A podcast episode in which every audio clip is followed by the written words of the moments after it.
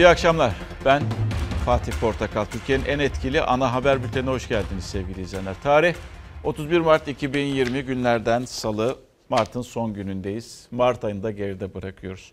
2020 yılı aslında zor bir yıl. Ama 2020'ye girerken umutlarla girmiştik. Sorunlarımız bitsin. Her şey güzel olsun. İnsanlar mutlu olsunlar. Refah içerisinde, sağlık içerisinde yaşasınlar diye temennilerimiz vardı. Ama 2020'nin bu şekilde olabileceğini, böylesi kötü gideceğini 2020 yılının hiç hiç kimse tahmin etmemişti. Sadece Türkiye'de değil, dünyada zor günler yaşanıyor. Ve tabii ki koronadan bahsediyorum, koronavirüsünden bahsediyorum. Dünyadan örnekleri açıklayacağız. Dünyadan gelişmeleri aktaracağız. Amerika Birleşik Devletleri'ne gideceğiz. Dilge Temoçin karşımızda olacak. Çünkü orada da e, ilginç gelişmeler var. Ve ülke Amerika Birleşik Devletleri daha ne kadar para verebilirim insanlara diye uğraşıyor. İktidarıyla ve muhalefetiyle, cumhuriyetçisiyle ve demokratıyla. Onun örneğine bakacağız. Türkiye'de de yardım kampanyaları var ama yardım kampanyası iktidar tarafından muhalefet yapıldığı, muhalefetin yaptığı yardım kampanyaları engellenmeye çalışılıyor. Diyeceksiniz ki nereden çıkardın bunu? Birazdan haberin detayları gelecek sevgili izleyenler. Bir fotoğraf. Korona günlerinde bu fotoğrafı da lütfen akıllarınıza e, kazıyınız. Sadece o değil Engin'le de birazdan bir araya geleceğiz. Engin Yılmaz'la. Ha, bu dakikalar içerisinde belki yeni vaka sayısı açıklanacak koronavirüsünden Türkiye'de. E, paylaşıldığında ekrana getireceğiz. Bir de hani işten çıkartmaları olmayacaktı ya. Biz Fox Haber olarak işten çıkartılan yurttaşların sesi olacağız bundan sonra. Ve size Ankara'dan ve size İstanbul'dan Sabiha Gökçen Havalimanı'ndan işten çıkarılan insanların haberlerini ekrana getireceğiz. Birileri yani bizi yönetenler duysun diye ekrana getireceğiz. Çünkü biz ekrana getirmezsek Fox Haber olarak kimse ekrana getirmez. O insanların sesini de kimse duyurmaz. Ve tabela bu akşam işten çıkarıyorlar. Hani işten çıkarılma olmayacaktı ya. İşte işten çıkarılan insanların sesleri olacağız. Bugün ve bundan sonraki günlerde. Gelelim e, önce e, koronanın güncesine bakalım. Koronavirüsünün neler yaşanıyor, neler yaşandı. Dün itibariyle 10.827 vakadan bahsediyoruz. Sağlık Bakanlığı açıkladı. 168 vatandaşımızı kaybettik.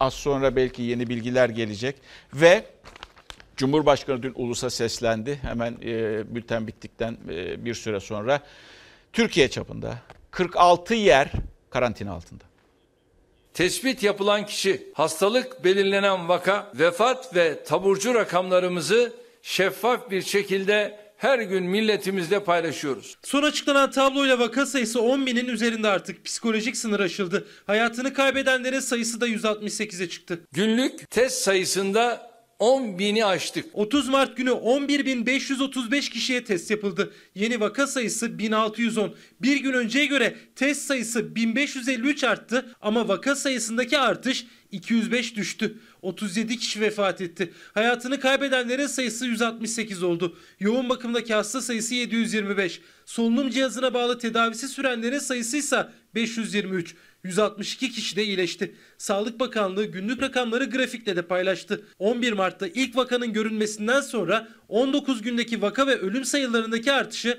eğrilerle de anlattı. Hali hazırda ülke genelinde köy ve mahalle statüsündeki 41 yerleşim birimimiz karantina altındadır. Karantina altındaki yerleşim yerlerinde giriş çıkışlar yasak. Tokat'ta koronavirüs şüphesiyle tedavi gördüğü hastaneden kaçan 74 yaşındaki kişi hayatını kaybetti. Kayseri'de ikamet eden ve işinin testi pozitif çıkan bir kişi ise karantinada olması gerekirken Ankara'ya gitti gözaltına alındı. Gerekli olan karantina süremizi tamamlayıp ailemizin yanına evimize dönüyoruz. Ankara ve Konya'da 14 günlük karantina süresini tamamlayan umrecilerin tahliyesi bir hafta ertelenmişti. Bazılarında koronavirüs tespit edildiği için Ankara'da Gölbaşı'ndaki yurtta kalan 256 kişi gece yarısı bir başka yurda transfer edildi. Sağlık saat yerinde. Görüntüler Kayseri ve Eskişehir'den 14 günlük karantina sürelerini tamamlayan ve testleri negatif çıkan umreciler evlerine gönderildi. Avrupa'dan gelen ve İstanbul'da yurda yerleştirilenlerden karantina süresini tamamlayan testleri negatif çıkanlar da tahliye edildi. Koronavirüs belası bir şekilde uzaklaştırılmaya çalışıyor veya yenmeye çalışıyor. Dünya da yenmeye çalışıyor. Biz de yenmeye çalışıyoruz ama kolay olmuyor. Sadece söyleyeceğimiz e, birazdan zaten Cumhurbaşkanı'nın ulusa seslenişte e, detayları da aktaracağız ne söylediğinin. Ha, sokağa çıkma yasağı verilmedi. Hala verilmedi ama bizler sokağa çıkmıyoruz. Çıkmak zorunda değiliz. Çünkü mümkün olduğunca e, izole olarak yaşamak zorundayız. Eğer böyle bir şey almıyorsa bizi yönetenler, iktidar, evet biz de onların dediklerine yani onların sunduklarına da uymak zorundayız o zaman. Nedir? Evet evden dışarı çıkmıyoruz. Mümkün olduğunca çıkmamaya çalışıyoruz. Şimdi Ankara'ya gideceğiz. Engin Yılmaz karşımızda Ankara Haber Müdürü. Engin, şimdi Türkiye Büyük Millet Meclisi'nden bir korona virüs vakası haberi geldi. Detayları sende hemencik alayım. E, Aslında birkaç gün önce alarma geçirmişti bu koronavirüs haberi. Negatif çıkmıştı meclis hastanesinde görevli bir doktordu ama bugün ikinci test yapıldı ve onun sonucu pozitif çıktı.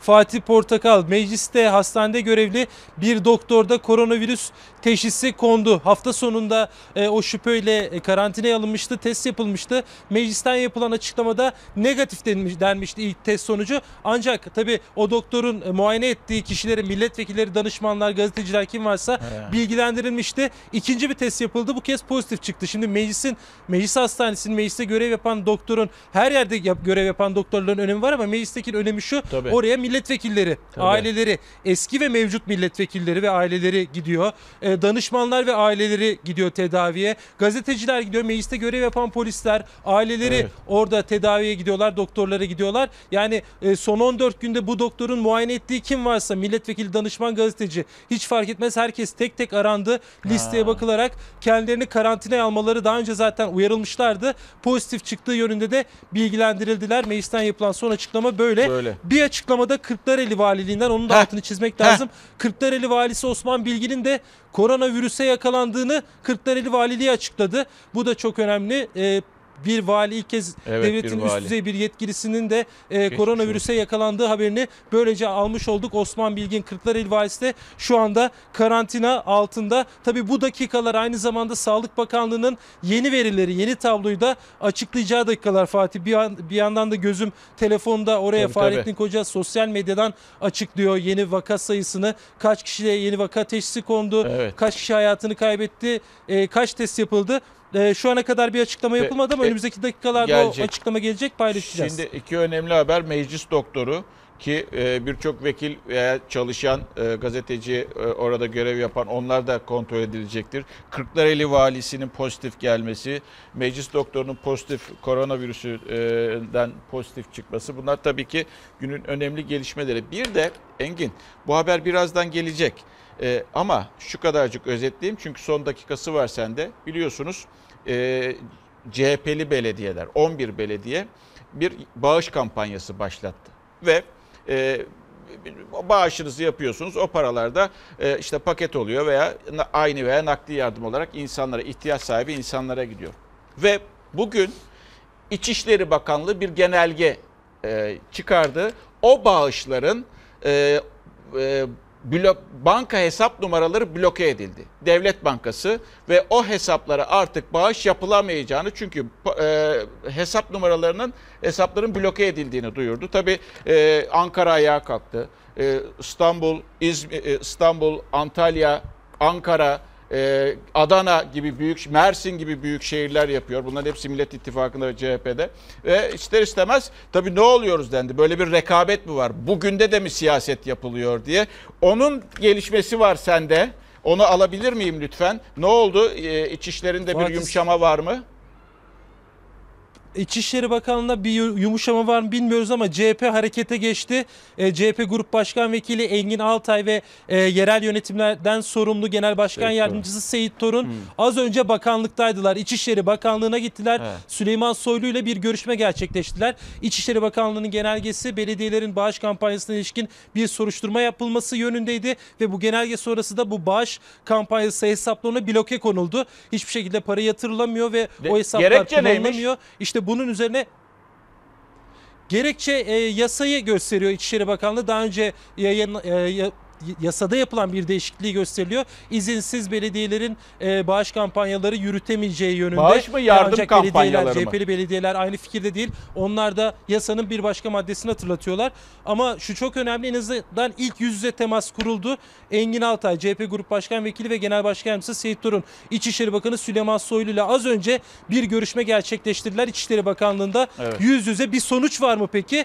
Aldığımız bilgilere göre henüz bir sonuç yok. Yok. Taleplerini Peki. ilettiler. CHP şu talebi iletti. E, Cumhurbaşkanı'nın başlattığı kampanyayla CHP'li belediyelerin başlattığı kampanyalar birbirinden ayrı. Belediyeler Yazık, halka en yazık, yakın yazık. kurumlar, onlar en çabuk ulaşabilecek kurumlar. Her iki tarafın kampanyalarını insanlar istedikleri şekilde para yatırabilirler. Yani belediyelerin açtığı kampanyalar Cumhurbaşkanı'nın kampanyasını Rakip olarak mı görüyorlarmış acaba? dediler. Rakip olarak mı görüyorlarmış? Öyle bir cümle kurduğuna göre iktidar bunu rakip olarak mı görüyormuş acaba? E, o algı yaratı, ya- yaratıldı Fatih Portakal. Herkeste o algı var. Çünkü e, CHP'li belediyelerin kampanyayı duyurduğu günün akşamında Cumhurbaşkanı e, bu kampanyasını açıklamıştı. Daha 24 saat geçmeden CHP'li belediyelerin hesaplarına bloke konulunca bir rekabet e, Peki. ortamı algısı yaratıldı. Peki. İktidarın CHP'li belediyelerin Peki. kampanyasını engellemeye çalıştığı yönünde bir algı oluştu. CHP de bunu iletti. Önümüzdeki günlerde herhalde e, belki saatlerde Peki. olur mu bilmiyorum ama yarın ya da ondan sonraki gün e, bunun sonucunu göreceğiz görüşmenin. Engin çok teşekkür ederim. Umarım iktidar bu hatasından döner. Bakanlık bu hatasından döner. Cumhurbaşkanı bu hatasından döner. Çünkü önemli olan ne biliyor musunuz? İnsanlara yardım etmek. Önemli olan o bu demeden ihtiyaç sahibi insanlara yardımcı olmak. Gerek merkezi hükümet gerek yerel hükümetler hangi parti olursa olsun bunda bile siyaset yapıyorlar. Bunda bile siyaset yapmaktan imtina etmiyorlar. Pes. Gerçekten pes. Teşekkür ederim Engin. Sağ olasın, var olasın. Şimdi ne gidiyoruz? Ha, kampanyaya gideceğiz sevgili izleyenler. Dün Cumhurbaşkanı, e, Cumhurbaşkanı dün kameralar karşısındaydı. Ulusa seslendi. Herkes merak ediyordu tabii.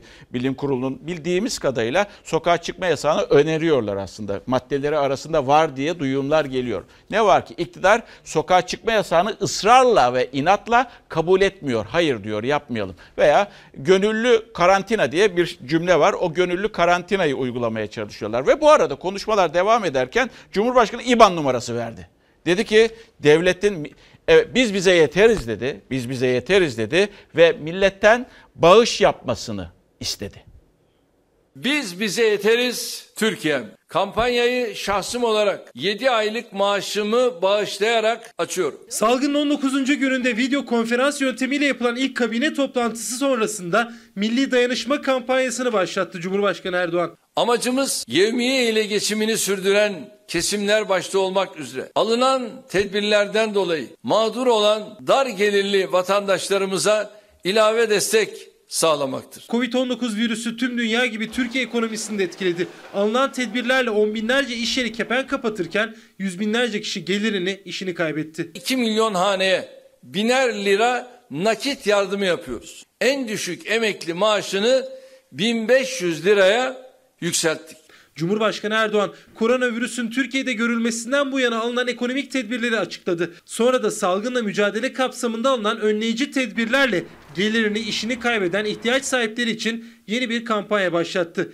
Biz bize yeteriz diyerek. Bu kampanya için Aile Çalışma ve Sosyal Hizmetler Bakanlığımız tarafından şu anda bilgileri ekranda gözüken bir yardım hesabı açıldı. Ayrıca yine ekranda gözüken kısa mesaj numaraları üzerinden de bağış yapılabilecek. 3 kamu bankası ve onlara bağlı katılım bankalarında açılan hesapların IBAN numaralarını paylaştı Cumhurbaşkanı Erdoğan.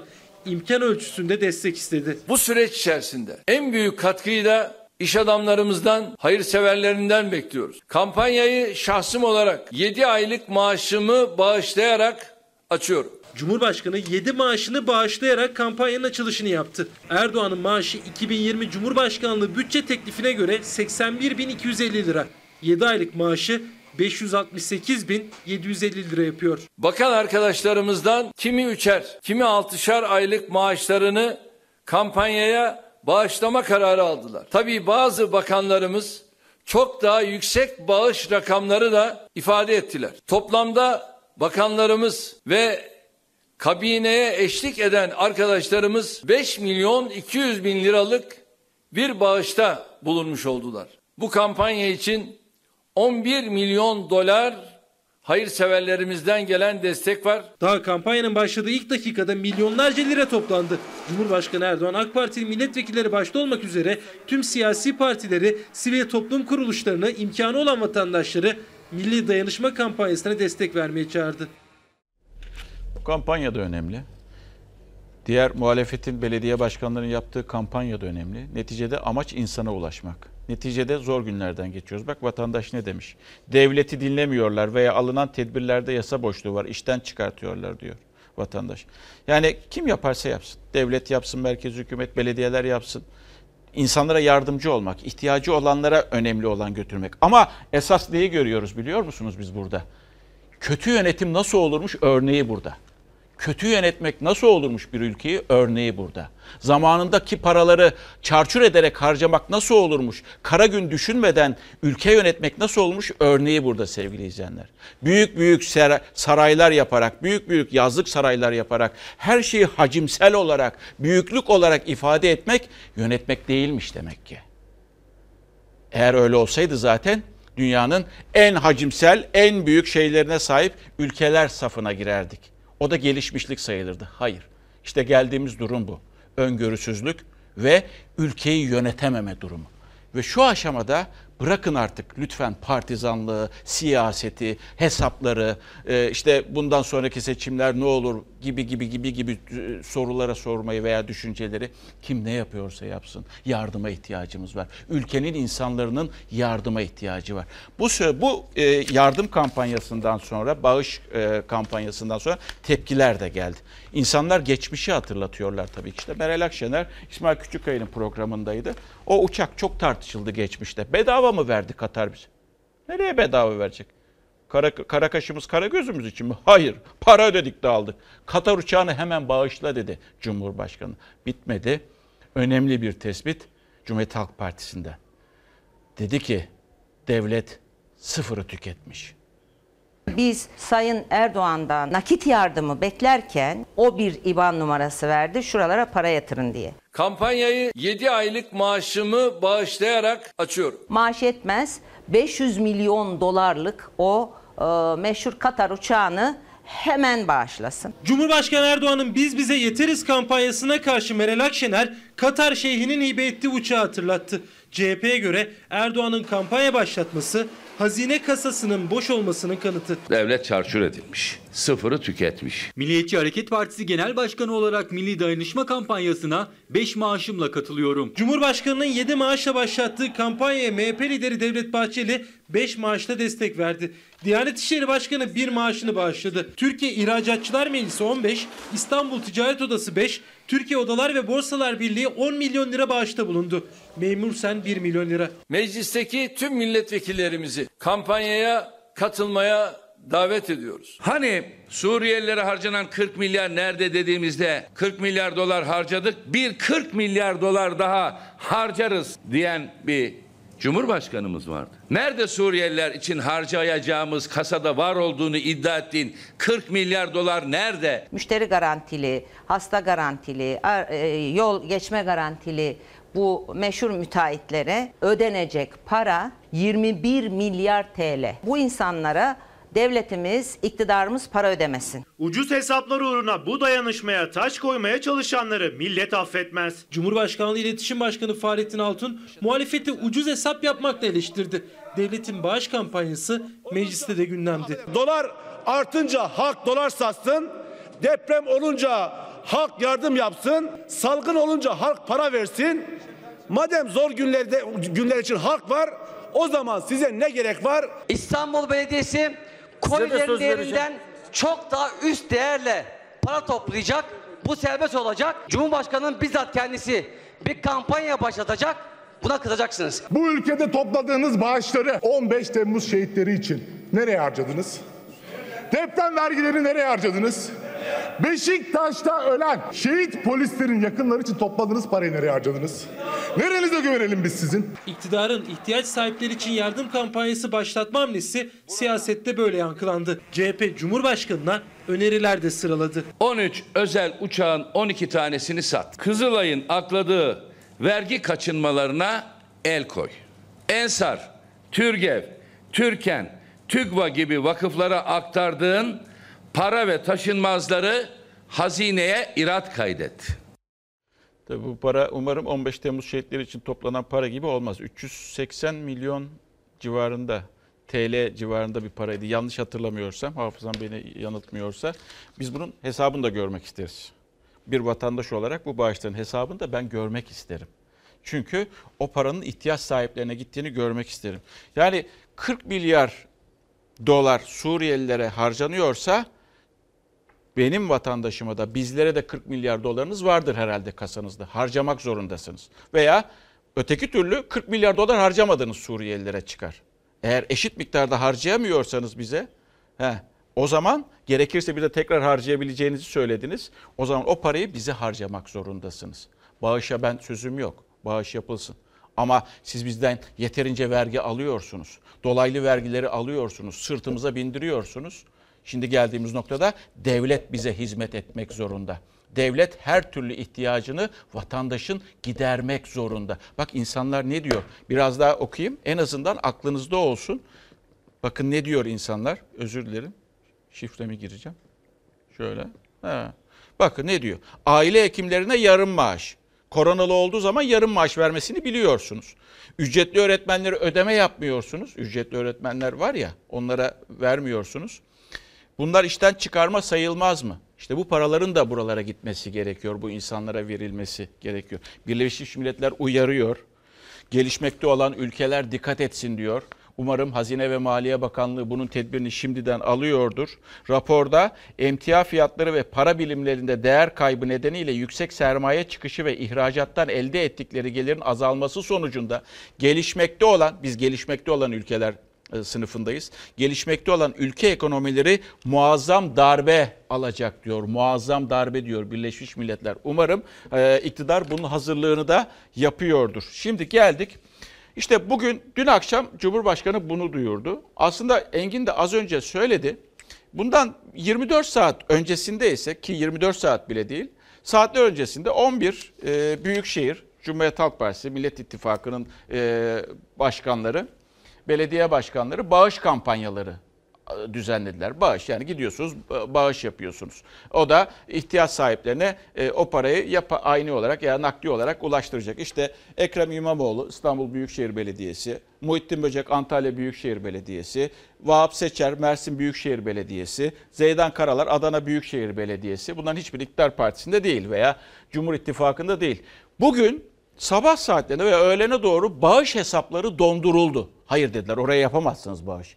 İçişleri Bakanlığı'ndan bir genelge yayınlandı. He, Ankara'da bundan etkilendi. Ankara Büyükşehir Belediye Başkanı aradım ben Sayın Başkan. Ne diyorsunuz bu olaya? Çok sık aramam ama hadi dedim bir alayım bakayım ne diyecek? Bir şey diyecek mi Mansur Yavaş? Dedim neden yaptılar biliyor musunuz? Neden yaptılar bilmiyorum dedi. Gün bugündür. Gün dayanışma günüdür. Belki 250 bin 300 bini bulacak ailelerimize kolilerimizi paketlerimizi dağıtacağız. Ee, hem de nakit yardımı konusunda destek olacağız. Gıda ihtiyacı olanlara gıda, nakit ihtiyacı olanlara nakit ödemelerine başlanacaktır. İçişleri Bakanlığı dün gece bir genelge yayınladı. Belediyeler izinsiz yardım toplayamaz dedi. İstanbul, Ankara, İzmir ve 8 CHP'li Büyükşehir Belediyesi daha koronavirüs salgını nedeniyle dükkanını kapatanlara ya da işten çıkaranlara katkı olsun diye yardım kampanyası başlatmıştı. Kampanyaya katılım büyürken İçişleri Bakanlığı'nın belediyelerin izinsiz kampanya yapamayacaklarına ve bu yüzden işlem yapılması gerektiğine dair genelge hazırladığı iddiası tartışma yarattı. Kamu bankalarından biri ise iddiaya göre sıcağı sıcağına bağış yapılabilen hesaba bloke koydu. Bu kampanyalara ben de e, bugün buraya gelirken Evet, evet. e, emekliyim biliyorsunuz. Ben milletvekili maaşı almıyorum. Aha. Emekliyim. 3 emekli maaşımı e, Ankara'ya 3 emekli maaşımı da İstanbul'a e, bağışladım. İyi Parti lideri Meral Akşener, Saadet, Gelecek ve Demokrat Parti liderleri Ankara Sanayi Odası ve birçok gönüllü daha kampanyaya bağışta bulundu. O yardımlardan talep edenlerin sayısını da Ankara Büyükşehir Belediyesi açıkladı. İlk gün 81 bin kişi gıda, 14.600 kişi de işini kaybettiği için nakit yardımı talep etti. İkinci günde sayılar yükseldi. Berberden terziye, garsondan küçük esnafa, pazarcıya, taksiciye varıncaya kadar çok sayıda Ankaralı'nın ekonomik olarak da desteklenmesi gerekiyor. Kampanya tüm hızıyla sürerken İçişleri Bakanlığı'nın bir genelge hazırladığı iddiası patlak verdi. Kurum, vakıf ve derneklerin yardım toplama kanununa tabi olduğu, kampanya için izin almaları gerektiği yazılı o taslak metinde CHP'den anında tepki geldi. Bu koronavirüs kadar tehlikeli bir zihniyettir. İstanbul Büyükşehir Belediye Başkanı Ekrem İmamoğlu da belediye başkanlarının bağış kabul etme yetkisi bulunduğuna dair kanun maddesini hatırlattı. Toplanan paraların yardım değil bağış olduğunun altı çizildi. Hesabı bloke ettiği iddia edilen Kamu Bankası'nın da bu işleminin durdurulması için yargıya başvurdu belediye. Ankara Büyükşehir Belediyesi de belediye kanununda açık hükümler olduğunu belirterek idare mahkemesine çarşamba günü dava açacaklarını duyurdu. İşte bağış hesapları donduruluyor. Bakınız çok büyük hata yapıyorsunuz İçişleri Bakanı veya büyük ihtimalle emri de herhalde Cumhurbaşkanı verdi. Kendi başına herhalde karar alamaz diye düşünüyorum. E, tabii yani ben de sosyal bir insanım. Farklı farklı çevrelerden arkadaşlarım da var. İsim vermeme gerek yok. Sizin seçmeniniz olan bir yurttaşın tweet'i var.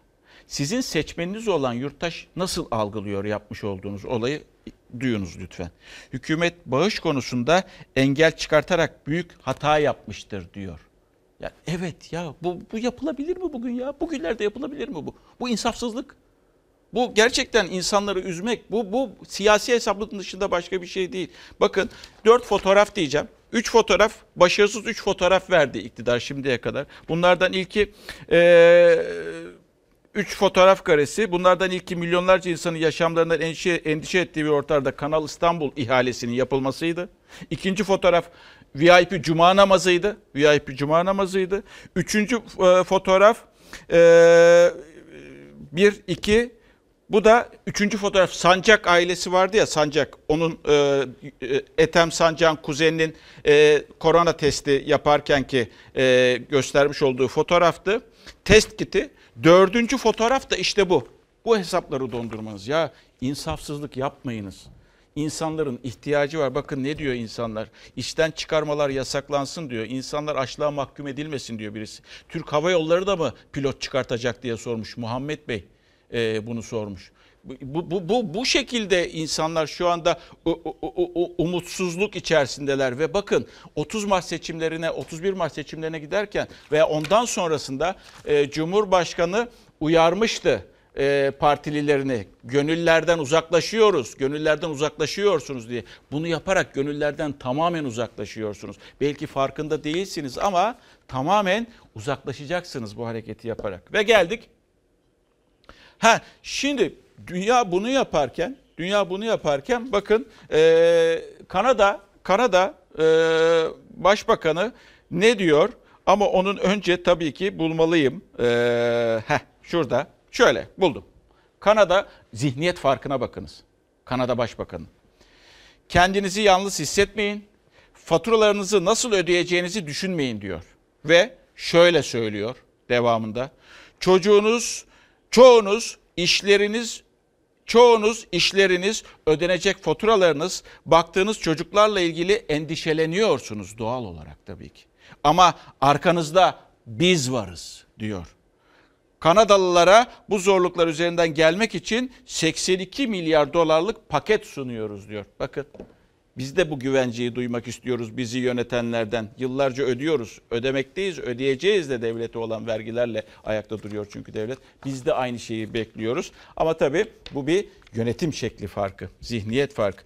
Dünya işte Kanada'ya gittik. Kanada'dan da dünyaya bakacağız. Dünyada ne oluyor, ne bitiyor? Ee, dünyada e, can kaybı 40 bine yaklaştı. Yanlış duymadınız. 40 bin insan koronavirüsten hayatını kaybetti sevgili izleyenler. Hemen e, altımızda Kuzey Kıbrıs Türk Cumhuriyeti sokağa çıkma yasağı ilan etti. Daha fazla insanların e, yaymaması veya üstüne bu virüsü almaması için izolasyonu tam izolasyon dedi ve Trump Amerika Birleşik Devletleri çok zor durumda. Önümüzde zorlu bir 30 gün var diyor.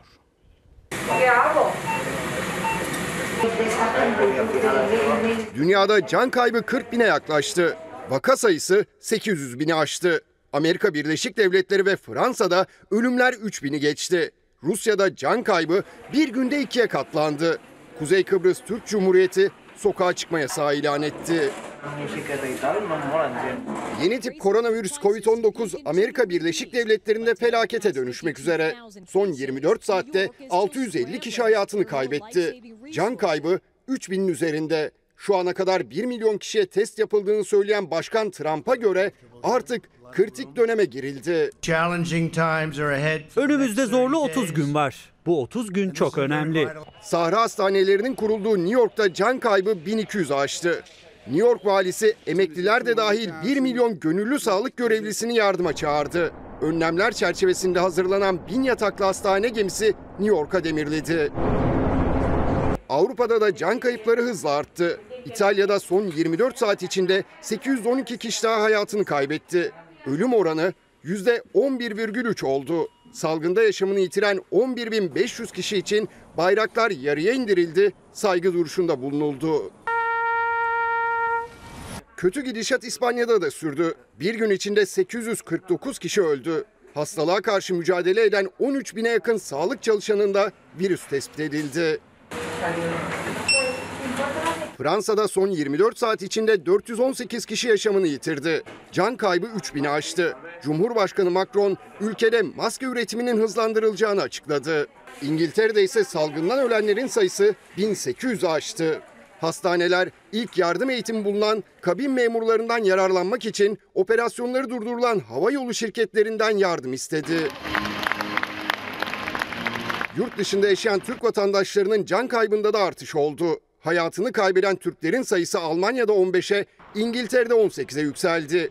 İngiltere'de yaşayan 19 Kıbrıs Türk'ü de yaşamını kaybetti. Kuzey Kıbrıs Türk Cumhuriyeti'nde salgına karşı önlemler artırıldı. Bakanlar Kurulu 21 ile 06 saatlerinde sokağa çıkma yasağı kararı aldı. Rusya'da alınan önlemlere rağmen can kaybı 9'dan 18'e yükseldi. Başkent Moskova'nın karantinaya alınmasından sonra 500 yeni vaka ortaya çıktı. Macaristan'da koronavirüs nedeniyle parlamento hükümete süresiz olağanüstü hal yetkisi verdi. 35 kişinin hayatını kaybettiği Hindistan'da sokağa çıkma yasağı trajediye dönüştü. 100 milyon işçi yürüyerek köylerine dönmeye çalıştı. Tansiyonun zaman zaman yükselmesi üzerine bir grup işçiye müdahale edildi. Birçok ülke koronavirüsle mücadele için dayanışma içine girdi. Amerika Birleşik Devletleri İtalya'ya 100 milyon dolarlık tıbbi malzeme gönderme kararı aldı.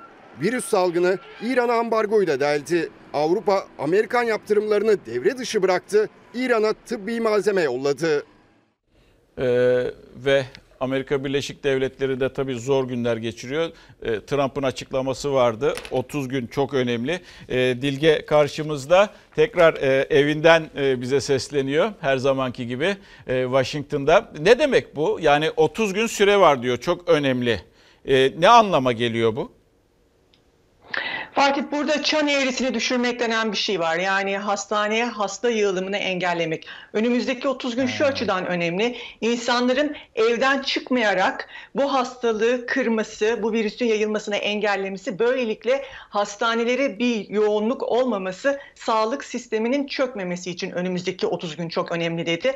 Bir şey daha ekleyeceğim. Fauci, Anthony Fauci e, en önemli uzman burada. Herkes dikkatle dinliyor. Bir umut ışığı belirdi galiba açıklaması yaptı birkaç saat önce. gibi? Zira New York'taki oranlarda biraz yavaşlamış görünüyor. Ha, çan eğrisinin tepesine mi geldi demek istiyor? Ee, Çan eğrisinin tepesine gelinmedi henüz. Çünkü sonuçta bir kuluçka süresi var. Hala hastanelere daha fazla hasta gelebilir. Hasta olduğunu bilmeyenler var henüz. Şu an hala evlerindeler. Ama şunu diyor, e, oran azalmaya başladı. Yani artış oranı azalmaya başladı. Hmm. Bu da hani bu eğriyi yavaş yavaş şey. geriletmeye başlıyor. Çok ufak Merak- bir umut ışığı. Merak ediyorum Dilge. Orada sokağa çıkma yasağı her yerde yok herhalde değil mi? Trump'ın aklından böyle bir şey geçiyor mu? Bizde çünkü çok tartışılıyor. Edilsin, edilmesin. Trump dün yaptığı açıklamada bunun çok uygulanabilir olmadığını söyledi eyaletler e, çapında. Evet. Geçen cuma dedik ya 50 eyalet 50 farklı karar mekanizması ama şunu diyor evinizden çıkmayın lütfen bunu dikkate alın. Nisan sonuna kadar böyle devam edelim. Eğer gerekirse Haziran'a kadar da uzatırım diyor. Dün e, Virginia ve Maryland'da da yine sokağa çıkma yasağıyla ilgili bir açıklama yapıldı. Bu bir yasak değil, bu bir e, tavsiye emri.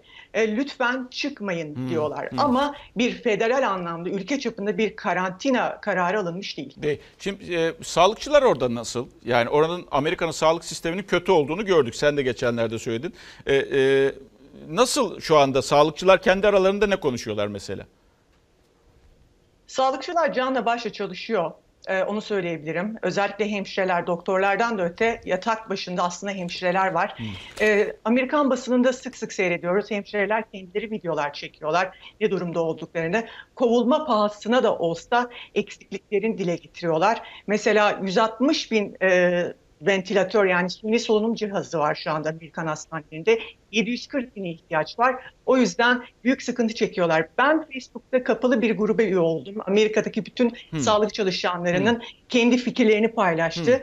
Kendi kendilerine yarattıkları yöntemler var. Mesela bu suni solunum cihazını sokmak için hastanın üzerinde artık bu koruyucu ekipmanları bulamadıkları için internetten sipariş verdikleri bu saydam muşambalar vardır ya Evet. masaların üzerine konan. Evet. Onu hastaların üzerine koyup e, alttan ellerini geçirerek insanlara suni solunum cihazı takmaya çalışıyorlar mesela. Allah. Ya da akciğer grafileri paylaşıyorlar. Hastalarının e, durumlarını paylaşıp birbirlerinden fikir alıyorlar. Öyle bir çaresizlik olduğunu da söyleyebilirim açıkçası. Çok kötü. Bir de yardıma değinmek gerekiyor. Orada nasıl oluyor çok merak ettiğim için sormak istiyorum. Şimdi burada yardımlar bile e, artık şey oldu, e, rekabete döndü. Muhalefet belediyeleri burada bir yardım kampanyası, bağış kampanyası başlattı. İşte aradan 12 saat sonra Cumhurbaşkanı e, bir bağış kampanyası başlattı. İBAN numaraları. Sabah bir uyandık işte İçişleri Bakanlığı genelge yayınladı. E, Belediyelerin bağışlarını iptal etti. Ya böyle bir hala da siyaset odaklı düşünülüyor. Amerika'da nasıl? Merak ettiğim için Şimdi- soruyorum. Şimdi iktidarda cumhuriyetçiler var, muhalefette demokratlar, kongrede de işte iki kanat var. Hepsi cumhuriyetçi ve demokratlardan oluşuyor. Çok ciddi şekilde çekişirler ama bu yardım paketleri konusunda biraz e, birlik sağlamış görünüyorlar. Çok fazla siyaset duymuyoruz aslında. Üç tane yardım paketi geçirdiler. Bir tanesi 8.3 e, milyar dolarlıktı. İkincisi 100 milyar dolarlıktı. Geçen hafta 2 trilyon dolarlık Ya orada e, devlet yardım para dağıtıyor paketi. anladığım kadarıyla. Ee, Evet hatta bu son pakette şöyle olacak. İnsanların evine çek gelecek mesela birkaç hafta Kaçar içerisinde. paralık? 1200 dolarlık çek yardımı yapıyorlar. Kaç para? 1200 dolar nakit para 1200. yardım. 1200 dolar. Ha. E, Peki bir şey bir şeycik daha. Orada e, ben e, acizlik olarak görmüyorum. Yani bağışın toplanması vesaire. Neticede zor günlerden geçiyoruz. Merak ettiğim şu. Amerika'da da böyle bağış kampanyaları devlet hadi yurttaşlar e, bağış yapıyoruz eyaletler veya e, merkezi hükümet. Böyle bir taleple çıkıyor mu mesela? Başkan Trump böyle bir taleple çıktı mı? Böyle bir taleple çıkmadı. Hatta şu anda dördüncü teşvik paketi hazırlanıyor. Ee, Bunun için görüşmeler başladı. Ama şunu söyleyebilirim. Hani kapitalizm, kapitalizmin beşiği deriz ya Amerika için. Halk birbirine çok yardım ediyor.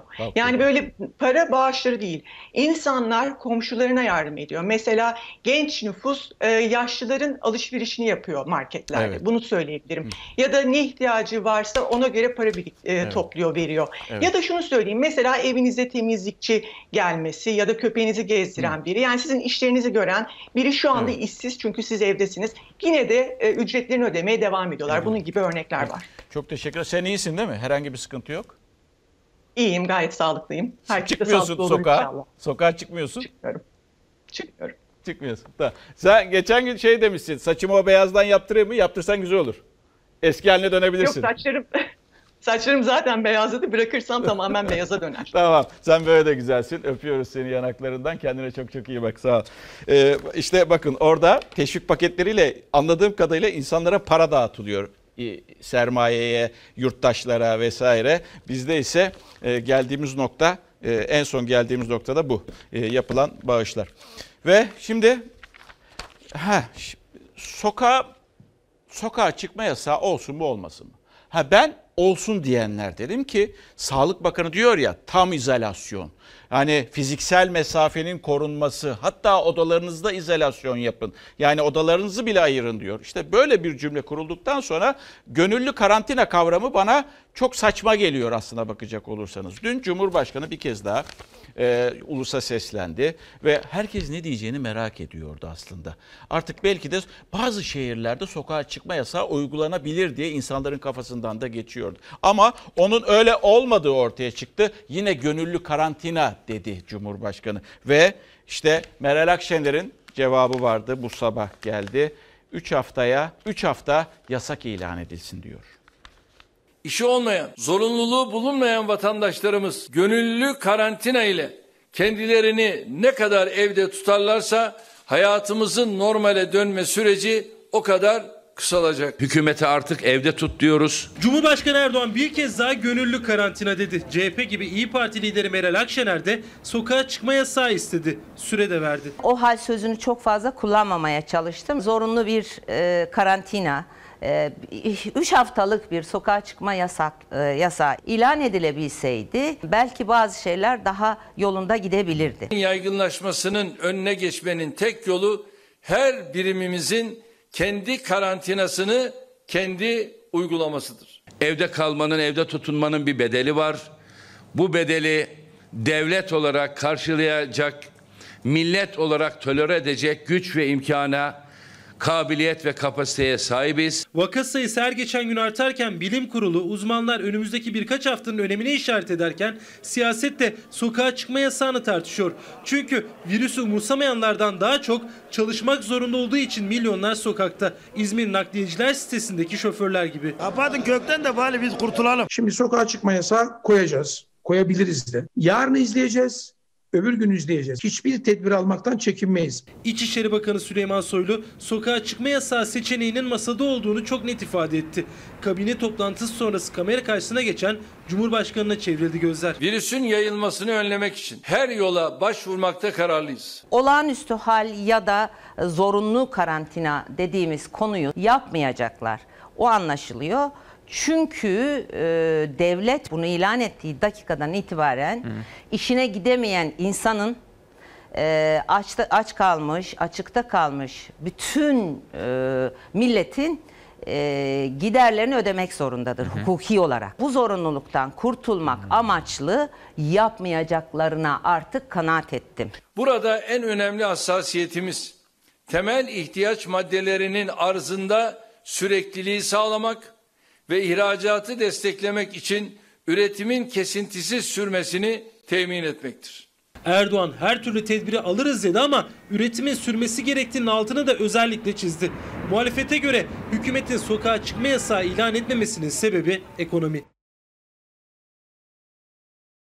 Ve bakın işte sokağa çıkma yasağının uygulanmamasının sebebi. Cumhurbaşkanı kendi ağzıyla itiraf ediyor. Üretimin kesintisiz olarak sürdürülmesi bu ortam içerisinde diyor. Neyin üretimi? Neyin üretimi? İnsan sağlığı mı, üretim mi? Yıllarca siz üretimi düşünmeyin, düşünmeyin, düşünmeyin. Bizi borçlandırarak veya ithal ettirerek ülkeyi büyütün. İnsanları da borçlandırın. Şimdi üretimi kesintisiz sürdürelim. Bakın bir mesaj geldi okuyayım. Cumhurbaşkanı böyle söylüyor. Diyor ki bir şey paylaşmak istiyorum. Sesimi duyurur musunuz? Bugün Bakırköy'den Haznedar'a gidebilmek için minibüse bindim. Ancak 7 kişi kuralına uyulmadığını, 13 kişi aldığını gördüm. Uyarıma rağmen minibüs şoförü e, diklendi, diklendi. Kabul etmedi. Taksiye binmemi söyledi. İndim. Ben bugünlük binmiştim ama her gün bu durum yaşanması vatandaşa yazık demiş. İşte durum bu. Üretim mi, sağlık mı? Bu sorunun cevabını Cumhurbaşkanı zaten kendi veriyor. Ha, yurt dışında Kanada'nın başbakanıysa siz sağlığınızı düşünün diyor. İşinizi işinizi düşünmeyin diyor. Önce sağlık diyor. Sizin işsiz kalacakmışın faturalarmış şuymuş buymuş. Hayır diyor. Biz diyor bunun arkasındayız diyor. İşte aradaki fark Bu. Bu arada e, ya- bağışlar, yardımlar devam ediyor. İşte İstanbul Valiliği'nde e, yardım kampanyası var. Oraya da bağışlarınızı yapabilirsiniz. Onlar da koliler hazırlıyorlar. ihtiyaç sahiplerine gönderiyorlar. Gaziantep Valiliği bu şekilde yapıyor. Onu da söyleyeyim. Daha birçok saymadığım, sayamadığım valilik de vardır. Fenerbahçe futbol takımı da yardımda bulundu İstanbul Valiliğine. 5 milyon TL bağışladı futbol takımı, A, A- A takım ve 33 bin gıda e, kolisi de yurttaşlara e, gönderilecek bu şekilde. Ve geldik, geldik. E, tabii karar alınmadı. İnsanlar yine kontrollü veya ne denir ona karantina, neli gönüllü karantina uygulamaya çalışıyorlar. Sizce çalışıyorlar mı? Etrafınıza bir bakın, cevabını verin. Ama hala da tüm uyarılara rağmen kalabalık olmayı seviyoruz. mutlaka iki hafta süreyle bir sokağa çıkma yasağı ilan edilmesinde fayda olduğunu ifade ettik. Sokağa çıkma yasağı olmalı mı? Bence olmalı. Biz bunu söylemezsek işin ruhuna aykırı hareket etmiş oluruz. Türkiye çapında olmayabilir ama İstanbul'da olmalı. %15 bile dışarıya çıktığında İstanbul'da 2,5 milyon Ya. insan yapıyor İsmail Bey. 18 milyon yaşıyor. Bu çarpıcı örnekle sokağa çıkma yasağı talebini bir kez daha dile getirmişti İstanbul Büyükşehir Belediye Başkanı Ekrem İmamoğlu. İzmir Büyükşehir Belediye Başkanı Tunç Soyer'den de benzer talep geldi. İki hafta sokağa çıkma yasağı ilan edilmesini istedi. Çünkü evde kal çağrılarına rağmen toplu taşıma araçları başta olmak üzere sokaklar dolu. Bu kritik yüksel, yükselmenin e, kendini göstereceği iki hafta benzer bir tedbir, kat'i bir tedbir alınamazsa e, hem sağlık e, altyapısının yani hastanelerin, yatakların, e, sağlık personelinin e, çok ciddi sıkıntı yaşayabileceğini düşünüyoruz. Sizce uyarılara uyuluyor mu? %75. Kaç yaşındasınız acaba? Ben mi? 60. Endişe ediyorum tabii. Birçok kişi hem kendi hem de çevresindekilerin sağlığını düşündüğü için evinden çıkmazken özellikle son birkaç gündür meydanlar, çarşılar yine dolmaya başladı.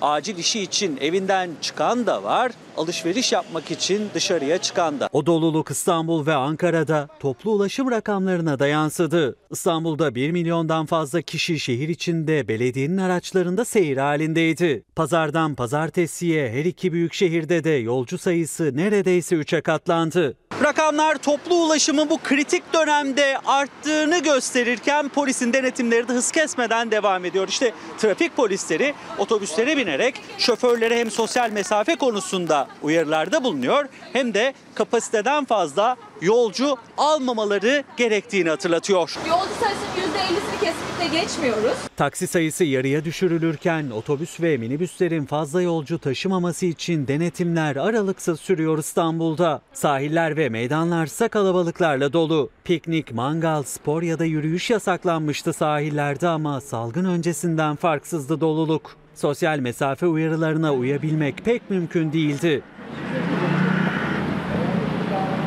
Sosyal mesafe kuralına ne kadar dikkat ettiğimizin en iyi örneklerinden biri bir banka şubesi. İçeriye insanlar sırayla alınıyor ama dışarıdaysa çok yakın bir halde beklemeye, para çekmeye devam ediyorlar. Bankalar ve birçok mağaza açık. Semt pazarları salgın öncesi gibi hareketli. Oysa uyarılar gıda ya da hijyen alışverişi için süpermarkete bile gidildiğinde fazla vakit geçirilmemesi, kimseyle temas edilmemesi yönünde. Ve bilgiler, son bilgiler geldi sevgili izleyenler. O bilgileri sizlerle paylaşacağım. Ee, verebiliyor muyuz arkaya? Bana lütfen söyler misiniz? Ee, 15.422 test yapıldı. Günlük test, günlük testimiz 15 bini buldu. En yüksek rakam ki 15-20 bini bulacağı söyleniyordu. Toplam vakayı söyleyin bana. Topla, toplam vaka, toplam vaka, toplam vakayı söyleyin. To- toplam vaka. 10 bin küsürdü. Evet. 13 bin kaç? 13.531 toplam vakamız. 13.531 toplam vakamız. Bugünkü vaka sayısı 2000 2704 yani esas 2704 değil ama toplamına bakın. 13.531 oldu vaka sayımız. Ee, kur, has, hayatını kaybedenlerimiz var mı? Yani 46 168 vatandaşımız hayatını kaybetmişti. 46 daha 14 11 214 vatandaş oldu şu anda hayatını kaybedenlerin sayısı orada da yazıyormuş onu görmedim ben. 214. Ee, az sonra e, şimdi reklama gidiyoruz. Tekrar geleceğiz. 8.30'a kadar tekrar sizlerle devam edeceğiz. Ee, bütün e, detayları aktaracağız sizlere. Reklam. Tekrar iyi akşamlar. Saat başındayız. Saatler 8'i gösteriyor. Haber bültenimizde devam ediyor sevgili izleyenler. Son e, sayılar geldi. Onları sizlerle paylaşalım. Sağlık Bakanlığı tarafından açıklandı. Önce bugünü paylaşacağım ardından karşılaştırmayı yapacağım dünle. E, önce bugün için e, toplam test sayısı 92.400. Toplam 92.400 e, test sayımız var. E, bugün itibariyle toplam yani ayın 10'undan 31 e, Mart'a kadarki sürede. Bugünkü test sayısı 15.422 test yapılmış. E, dünden dün akşamdan bugüne kadar ki bunun 20 bine de bulacağı tahmin ediliyordu. En çok e, merak ettiklerimizde toplam vaka sayısı 13.531. Biraz daha mümin girebilir misin oraya? 13.531'e girebilir misin rica etsem? 13.531 toplam vaka sayısı. E, hayatını kaybedenlerin sayısı 214 vefat edenlerin sayısı, yurttaş sayımız 214. Yoğun bakımdaki hasta sayımız 847. E, e, solunum cihazına bağlı sayı 622 ve e, iyileşen hasta sayımız 243. İyileşen hasta sayımız 243 sevgili izleyenler onu da söyleyeyim. Bir karşılaştırma yapalım. Dünküyle bir karşılaştırma yapalım. E, dün 30 Mart'tı, bugün 31 Mart. E, vaka sayısı dün 10.827 idi, bugün 13.531. Yani 2704 aşağı 2700 civarında bir artış söz konusu. E, vefat edenlerin sayısı 68'di, 168'di. E, bugün itibariyle vefat edenlerin sayısı 214. 46 vatandaş bir günde bir günde hayatını kaybetti. Bir günde ve e, yoğun bakım sayısı, yoğun bakımdaki hasta sayımız 725'ti, 847'ye yükselmiş. E, solunum cihazına bağlı hasta sayımız 523'tü. O da 100 artarak 622'ye yükselmiş. Dün 162 hasta iyileşmişti. Bugün itibariyle de 243 hasta iyileşti. 81 e, vatandaş sağlığına kavuştu. İşte en çok bunlar merak ediliyor. Bu saatler geldiğinde bunlar merak ediliyor. Yani acaba yeni sayı ne olacak? Vefat edenler var mı yok mu? İyileşenlerin sayısı ne kadar olacak? Bir de yoğun bakım. Yoğun bakımdaki hasta sayımız ne kadar? Onlar merak ediliyor. Sağlıkçılara çok şey borçluyuz hemşiresine çok şey borçluyuz. Doktoruna çok şey borçluyuz. Çünkü onlar uğraşıyorlar. Onlar birebir virüsün içerisinde virüslü e, yurttaşları hayata döndürebilmek için çaba sarf ediyorlar. Ve onlar için biliyorsunuz bir alkış kampanya, e, kampanyası da başlatmıştık. Ve bugün hast, işte has, e, doktorların, hemşirelerin dışında kalanlar yani temizlik personeli, hasta bakıcı, tıbbi sekreterler daha iyi şartlar ve şartlarının düzeltilmesi için mevcut şu andaki durumdan bahsediyorum. Bunun için eylem yaptılar. Eylem yapmak istediler daha doğrusu. Seslerini duyurmak istediler. Hastaneden dışarı çıkmalarına bile izin verilmedi. İkinci bir sağlık çalışanı da şu anda polislerin nezaretinde hastaneden çıkarılıyor. Bir taraftan da arkadaşlarına destek olmak isteyen sağlık çalışanları var. Ama burada da gördüğünüz gibi ne polisler ne de çalışanlar arasında sosyal mesafeye dikkat edilmiyor. Evet, sağlık çalışanları birer birer gözaltına alınıyor.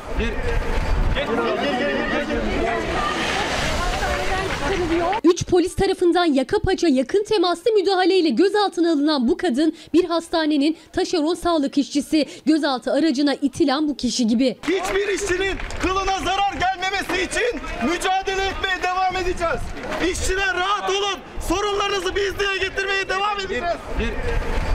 Sağlık çalışanları için yeni düzenleme yaptı iktidar. Ek ödemeler 3 ay boyunca tavandan yatacak. İdari izinleri yeniden düzenlendi. Ama hemşireler, doktorlar kadar hastalarla birebir temas halinde görev yapan hasta bakıcılar, temizlik personeli bu haklardan yararlanamayacak. Ben sana 50 defa söyledim. Hayır geçeceğim.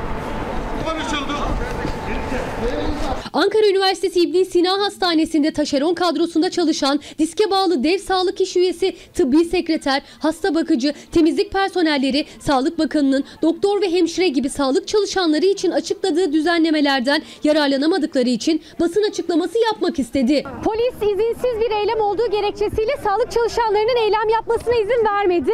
Uzun bir süre hastane içerisinde görüşmeler yapıldı ama sonunda gözaltı başladı. Sağlık çalışanlarının hastane bahçesine dahi çıkmasına izin vermedi polis.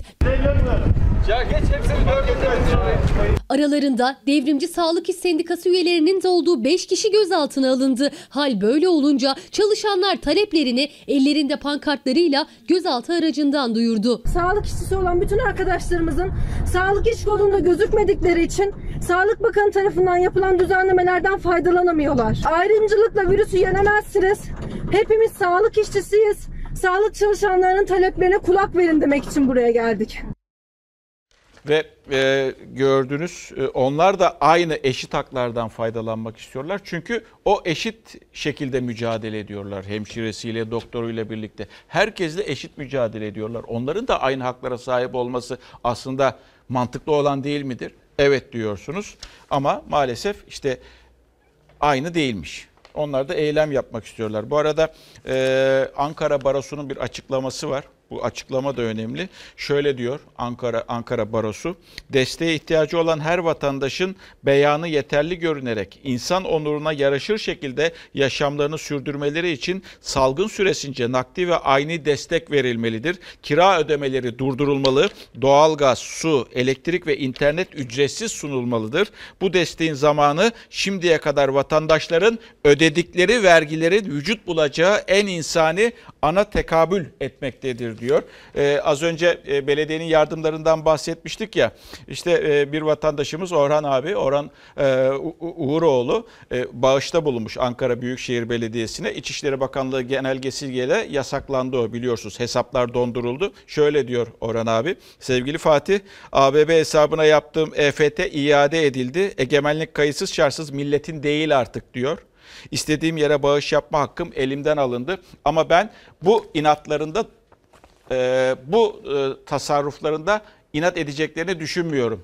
Duayen gazeteci Orhan abi. Çünkü hata yapıyorlar. Çünkü vatandaşı ayrıştırıyorlar. Çünkü az önce bir mesaj okudum. Kendi seçmen kitlelerinden birisi, kendi yurttaşları, seçmen yurttaşlardan biri e, yanlış yapıldığını söylüyor. Ben e, bunda inat edeceklerini tahmin etmiyorum. Birlik zamanı, bütünlük zamanı. O zaman da bırakın insanlar istedikleri yere bir şekilde e, bağışlarını yapsınlar. Ha, o bağışlar suistimal mi ediliyor? Hep birlikte o zaman eleştirelim. Hep birlikte de üstüne gidelim. Şimdi geldik. Çok konuşuyoruz. Konuşacağız da işsizlik manzaraları. Bugünkü tabela ne? İşten çıkarıyorlar. Biz bunları ekrana getirmezsek bunları siz duymazsınız. Kimse de ekrana getirme cesaretini göstermez bu Türkiye ortamında. Bakın yeni işsizlik öyküleri çıkacak. Çıkıyor da. Ve şu anda görmüş olduğunuz yer Ankara. Ankara'da iş kurun öncesi. Diyeceksiniz ki dün de oradaydınız. Evet. Bugün de oradayız. Yarın da orada olacağız. Özel bir okulda güvenlik görevlisiydim. Okul kapanınca hani bize de çıkış verdiler. Paranızı verelim, başınızın çaresine bakın dediler. Bugün itibariyle işten çıkartıldım. Korona yüzünden. Kendim tır şoförüydüm. 20 gündür işsiziz koronavirüs sebebiyle. 20 gündür vallahi bekliyoruz öyle. Ee, paramız yok cebimizde. işsiz güçsüz. Koronavirüsten kendilerini korumayı başardılar bugüne kadar ama salgının ekonomik etkisini en çok hissedenler onlar. Alınan tedbirlerle kapanan iş yerlerinde işten çıkartılanlar. Adres Ankara İşkur Kapısı. Benim mesleğim zaten aşçılık olduğu için restoranımız kapandı. Yaklaşık iki haftadır işsizim. İşkur önünde uzayan kuyruk her biri farklı mesleklerden. Düne kadar aslında hepsi işlerinin başındaydı. Bugünse işsizler. Her birinin tek bir umudu var. Yeni bir iş, yeni bir başlangıç. Koronavirüs sebebiyle bir aydır işsizim. Evde oturuyorum. İki çocuğum var. Bir engelli eşim var. Hiçbir gelirim yok. Toplam aylık masrafım 2500 lira. Eşim, çocuklarım, ben, kira falan hepsi içinde. Cebimde 5 TL para var. Yiyecek, içecek bir şeyimiz kalmadı. Allah'a dua ediyoruz sadece. Başka yapacak hiçbir şeyimiz yok. Kaderleri ortak ama hikayeleri bambaşka. Koronavirüs salgınının ekonomik yansımasında işsiz kalanlardan biri de 39 yaşındaki Erkan Tuncer. Ben 3 üniversite bitirdim. Açık öğretim yapısı, e, halk ilişkileri bitirdim. Fotoğrafçılığı hobi olarak bitirdim. Kamu yönetimiyle de lisansımı tamamladım. Güvenlik yapıyorum yani hayat şartları biliyorsunuz. 3 ayrı lisans diploması elinde Erkan Tuncer'in 5 yıldır güvenlik görevlisi olarak görev yapıyordu. Çalıştığı özel okul koronavirüs tatiline girince işten çıkartıldı. Okul tatili uzayınca dün aradılar işte şirkete gelin görüşeceğiz dediler. Gittim apar topar. Hani bundan bundan dolayı işinize son veriyoruz dediler. Biz yeni ev aldık ev kredisi ödüyoruz. Hani babam emekli hala çalışıyor. Benim bir an önce zaten iş bulunup destek olmam gerekiyor. Benim evim kira. Ben evli bir çocuk babasıyım. Hiçbir yerden hiçbir gelirim yok. Kiram, faturalar, benim çocuğumun masrafı, ev masrafı falan 2,5 milyar falan. Cepte sıfır. Ne kadar dayanabiliriz? Koronavirüs salgını sonrası işsizler ordusuna eklenen yeni yüzler. Yeni iş umuduyla beklemedeler. 700 lira kira veriyorum. Elektrik suyla 1000 lira. E benim mutfak masrafım bilmem ne 2000 lirayı buluyor. E oraya borçtan, bakkala borçtan, manava borçtan eskisi gibi yazmıyorlar da şimdi. Ee, önümüzdeki günler daha çok zor olacak gibi görünüyor. Çünkü daha dün okudum biliyorsunuz. Yok bugün okudum artık onu da karıştırmaya başladık. Birleşmiş Milletler'in raporu çok önemliydi. Ee, muazzam darbe yiyecek diyor. Uyarıyor şimdiden gelişmekte olan ülkeleri. Ve İçişleri Bakanlığı'nın genelgesiyle belediyelerin yapmış olduğu bağış kampanyalarının hesap numaraları, hesapları bloke edildi. Onlardan biri de Ankara Büyükşehir Belediyesi'ydi. Ee, az önce de Orhan abi oraya bağış yapmış. Daha sonra da e, iade edilmiş parası. E, şimdi Mansur Yavaş bir e, Ankara Büyükşehir Belediye Başkanı bir tweet atmış. Şöyle diyor. Daha çok 12 dakika önce atmış. İşini ve gelirini kaybetmiş insanları desteklemek için kullandığımız ve sizlerin de katkıda bulunduğu banka hesapları İçişleri Bakanlığı genelgesiyle bloke edilmiştir. Kimse endişelenmesin planladığımız yardımlara devam edeceğiz. Kimseyi aç ve açıkta bırakmayacağız diyor Ankara Büyükşehir Belediye Başkanı. İçişleri Bakanı acaba ne düşünüyor? Sayın Cumhurbaşkanı acaba bu tweet üzerine ne düşünüyor? Acaba geri adım atmayı düşünüyorlar mı? Yaptıklarının doğru bir şey olmadığını düşünüyorlar mı? İçişleri Bakanlığı'nın genelgesini. O genelgeyi alıp bence iptal edip böyle bir şey olmamış gibi davranıp onu yırtıp çöpe atması gerekir Sayın Bakan'ın. Biz bize yeteriz. Evet biz bize yeteriz. Ama bütün olursak yeteriz. Bir olursak yeteriz. Ayrı ayrı olursak yetemeyiz birbirimize.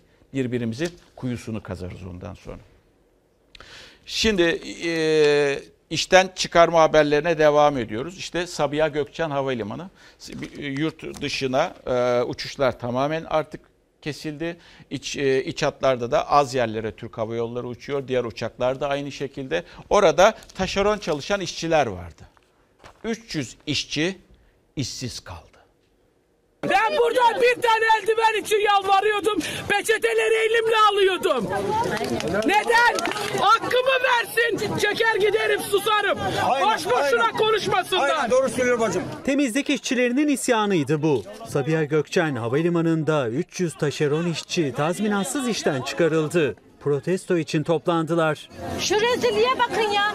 İstanbul Sabiha Gökçen Havalimanı'nda temizlik işçisi olarak çalışıyordu yüzlerce kişi. Şirket ihaleyi kaybedince işten çıkarıldılar. Ancak tam da bu zor dönemde iddialarına göre tazminatları bile ödenmedi. Haklarını alamadan işsiz kaldılar. Koronavirüs nedeniyle yan yana bile gelmemeleri gerekirken seslerini duyurabilmek için eylem yaptılar. Onlar şu an senin askeri ücretine göz koyan kişiler. Herkes hakkını arıyor. Kimse alkış vurmayacak.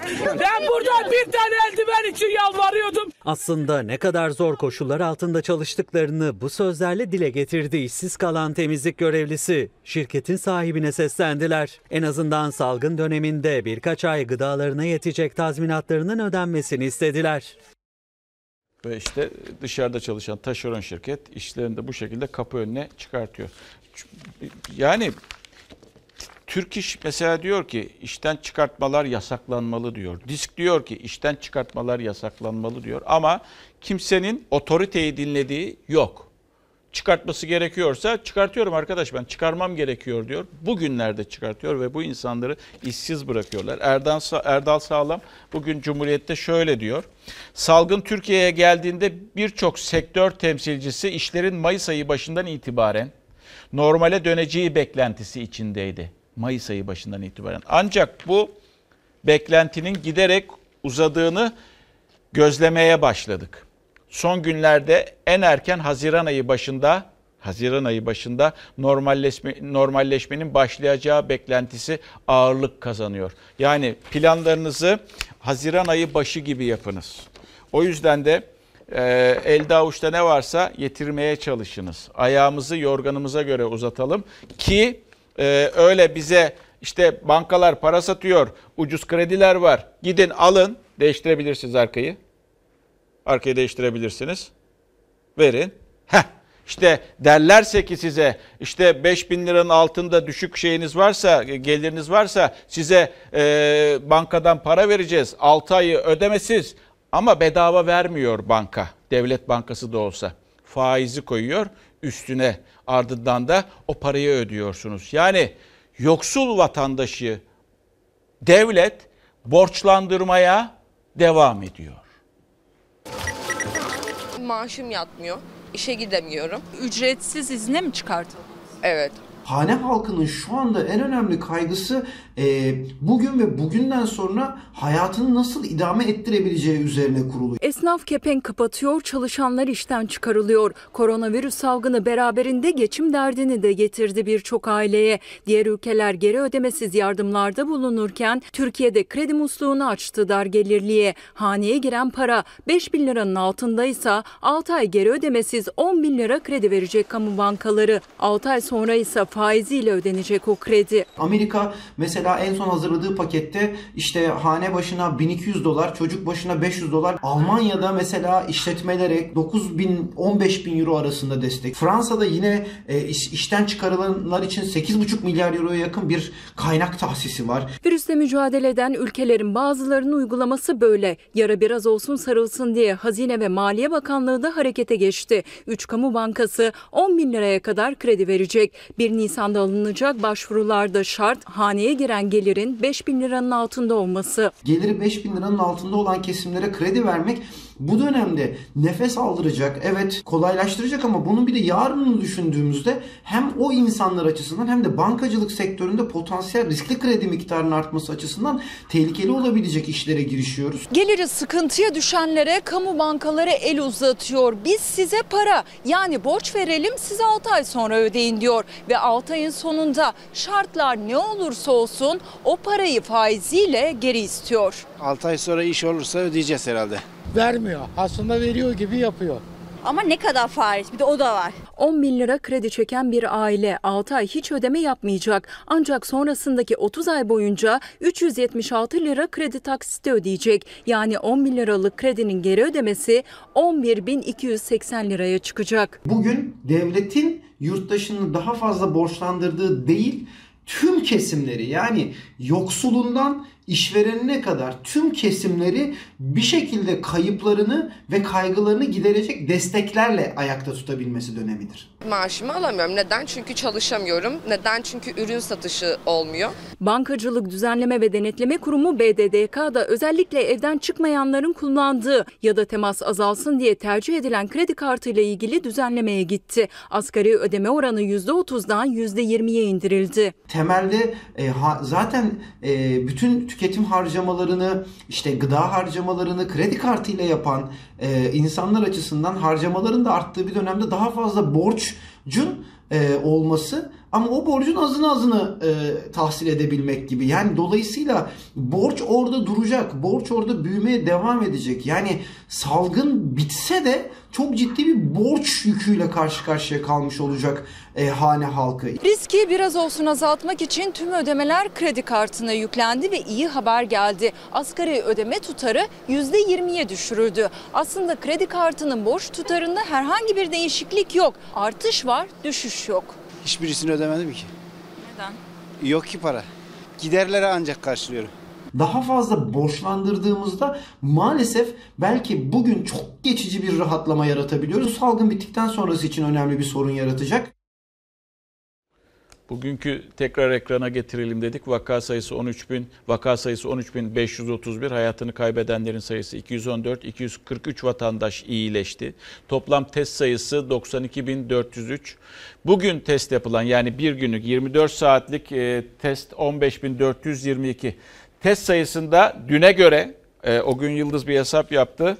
E, o gün Yıldız'ın hesabında %25 test sayısında düne göre artış var. Düne göre %25 artış e, test sayısı günlük ama e, vaka sayısında da yüzde yüzde e, 17 buçukluk bir artış söz konusu. Belki de son günlerin en yüksek değil mi o gün?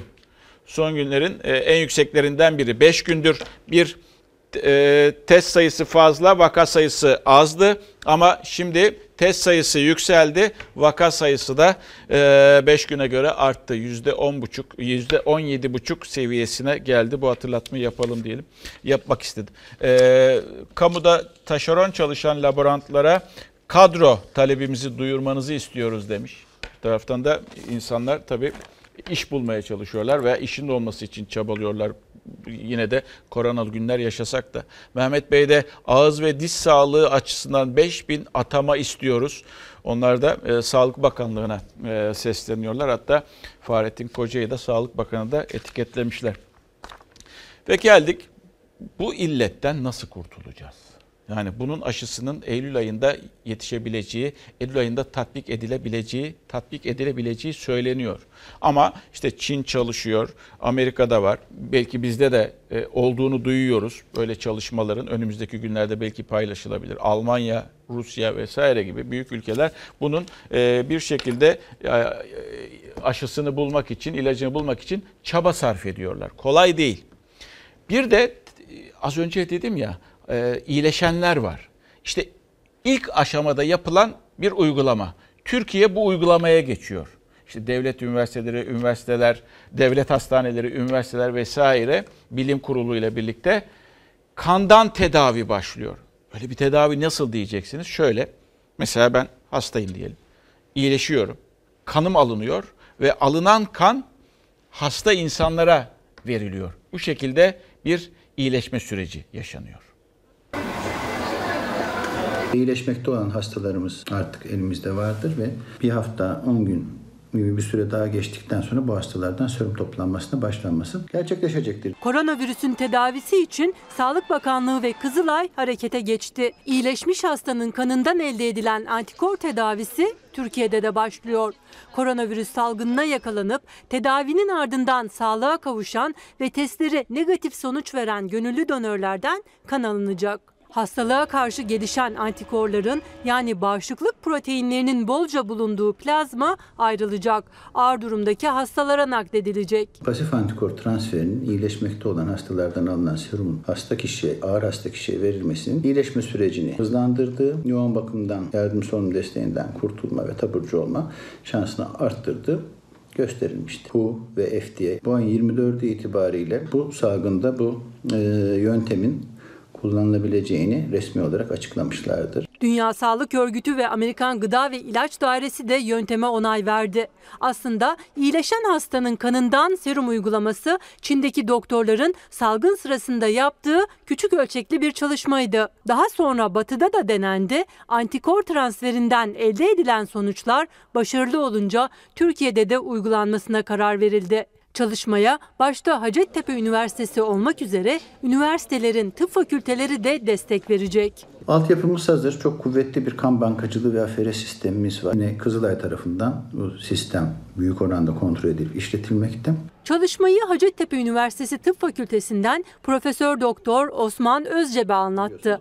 Daha önce domuz gribi, SARS ve MERS'te kullanıldı yöntem. Şimdi de yeni tip koronavirüs COVID-19'da uygulanacak. İyileşmiş hastanın kanından elde edilecek serum tedavisi ağır hasta gruplarında kullanılacak yoğun tedaviye ihtiyaç, destek tedavisine ihtiyacı olan hastalarda kullanılacağının bilinmesi gerekmektedir. Kan transferi yaptığımız kişiye de aldığımız kan ürününün zarar vermemesine yönelik bir yığın kurallar var. Bir kere bağış yapacak kişilerin bu evrensel kan bankacılığı donör kriterlerine uygun olması lazım. Enfeksiyonu geçirdikten, semptomlar bittikten sonra en az iki hafta süre geçmiş olması lazım. Profesör Doktor Özcebe toplanan plazmaların olası ikinci dalga koronavirüs salgınında da kullanılabileceğini açıkladı. Eğer bir şekilde alınan plazmalar ihtiyaçtan fazla temin edilip uygun şartlarda saklanabilirse ileride muhtemelen eritilerek tekrar kullanılabilir. Bir arkadaşım var. O da e, koronavirüs e, pozitif çıkanlardan e, bir mesaj atmış. E, evet demiş doğru bu haber. E, iyileştim ben demiş. E, bugün 11. günümdü. Doktor söyledi kanımıza ihtiyaçları olacakmış. E, bu şekilde de e, geçmiş olsun diyeyim kendisine. O da zor günler geçirdi aslına bakacak olursanız. Ve bir başka konu e, kronik rahatsızlığı olanlar. Dün e, kanser hastalarına vermiştik. Ne yapmaları gerekiyor, ne yapmamaları gerekiyor. Bugün de tansiyon ve diyabet hastalarına uyarılar var. Evet bitti. Tüm hipertansiyon hastalarının ilaçlarını kesmek yerine tam tersine ilaçlarını düzenli kullanmaları ve kan şekerleri olsun, kan basıncı olsun kontrol altında tutmaya çalışmalılar. Koronavirüs salgınında risk grubunun başında kronik hastalar, milyonlarca tansiyon ve şeker hastasının da kafası karışık. Kullanılan ilaçların bağışıklığı ya da virüs tedavisinde olumsuz etki edebileceği yönünde söylentiler çıktı. Ancak doktorlara göre asıl risk düzenli kullanılması gereken o ilaçları bırakmak. Çünkü kişinin tansiyon ya da şeker hastası olduğu kesin ama virüse yakalanma olasılığı gerekli önlemleri aldığı sürece çok daha düşük. Bu virüsün akciğerdeki ACE proteinine bağlandığı biliniyor. ACE inhibitörü kullanan bazı hipertansiyon hastaları var. Ee, acaba bu bize zarar verir mi diye düşünebilirler. Kesinlikle bu tansiyon ilaçlarının kesilmemesi yönünde bir görüş bildirildi.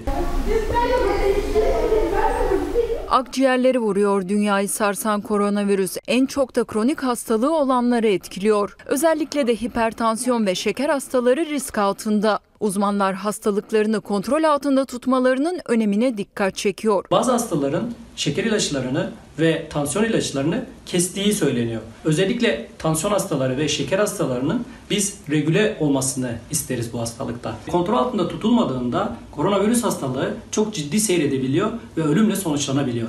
Onun için ilaçlarını düzenli kullanmalarını öneriyoruz. İç hastalıkları uzmanı Doktor Alihan Oral'a göre ilaçlara düzenli devam edilmesinin yanı sıra kronik hastaların virüse yakalanmamak için de çok dikkatli olmasını öneriyor. Önlemlerse basit. Herkes gibi sokağa çıkmamak, elleri sabun suyla yıkamak, yüze götürmemek. Onlar da diğer insanlar gibi tabii ki hijyene dikkat edecekler ama onlar iki kat daha dikkat etmek zorundalar. Çünkü onlar için bu hastalık daha ciddi, daha önemli.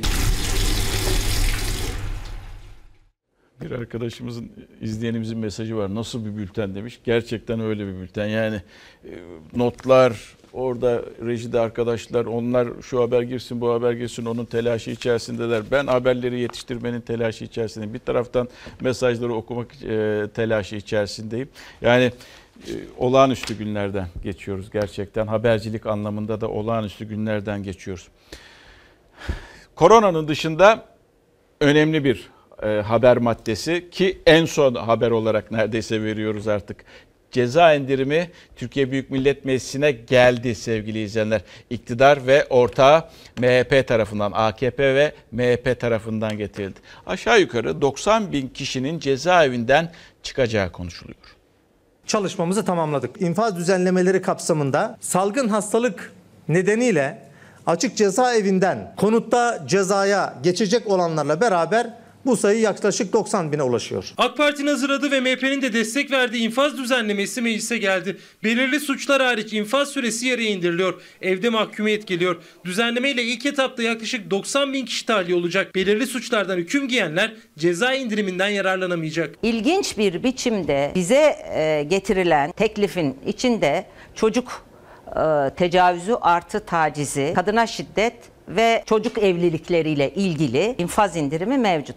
Bizim bunlar kırmızı çizgilerimiz. Cinsel suçlar, uyuşturucu madde suçları, kasten adam öldürme suçu ve kadına karşı şiddet, terör suçları bu kapsamın dışına çıkartılmıştır. Milletimizin vicdanı bize yol gösterici olmuştur. Muhalefetin de kırmızı çizgimiz dediği suçlar kapsam dışında kaldı. Kadına şiddet, cinsel istismar, uyuşturucu, cinayet ve terör suçları işleyenler ceza indiriminden yararlanamayacak. Bu suçlar dışındaki cezalardan hüküm giyenlerden infaz sürelerinin yarısını dolduranlar tahliye olacak. Kalıcı infaz oranı 1 bölü 2 olarak düzenlenmiştir. Mevcut sistemde hükümlü cezanın üçte ikisini cezaevinde geçiriyordu. Düzenleme ile yarısını cezaevinde geçirecek. Denetimli serbestlik ve bazı suçlarda da oranlar yeniden düzenlendi. İstisna suçlar hariç 6 yıl ceza alan hiç cezaevine girmeyecek.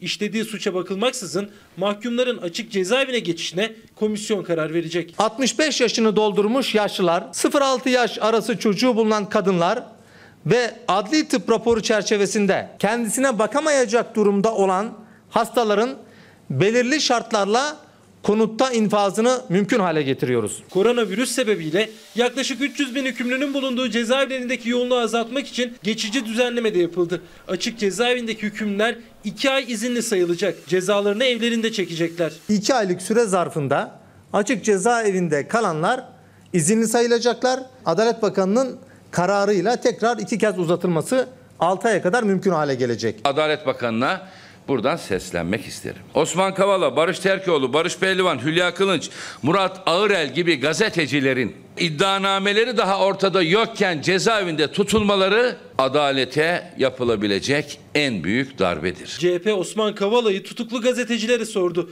Düzenleme önce komisyonda ardından genel kurulda görüşülecek.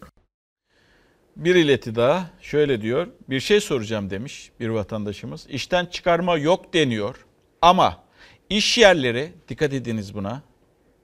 İş yerleri çalışan kendi çıksın diye mobbing uygulamaya başlıyor ve çalışma saatlerini düşürüp çalıştığın saat kadarını verecek ve geri kalanını işkur belli bir yüzdesini keserek tamamlayacakmış. Bu nasıl olacak demiş. Bir de aynı kişi şunu da söylüyor.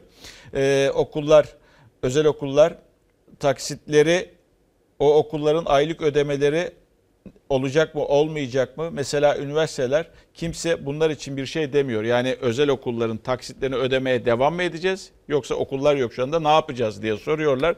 Bunun da bir düzenlemesinin e, düzenlenmesinin yapılması gerekiyor e, Milli Eğitim Bakanlığı tarafından. Kapatıyoruz, kapatıyoruz. E, bizden sonra baraj gelecek. izleyebilirsiniz dizi. Yarın daha mutlu, daha huzurlu, daha güvenli bir dünya ve tabii ki Türkiye'de buluşmak umuduyla. Hoşçakalın.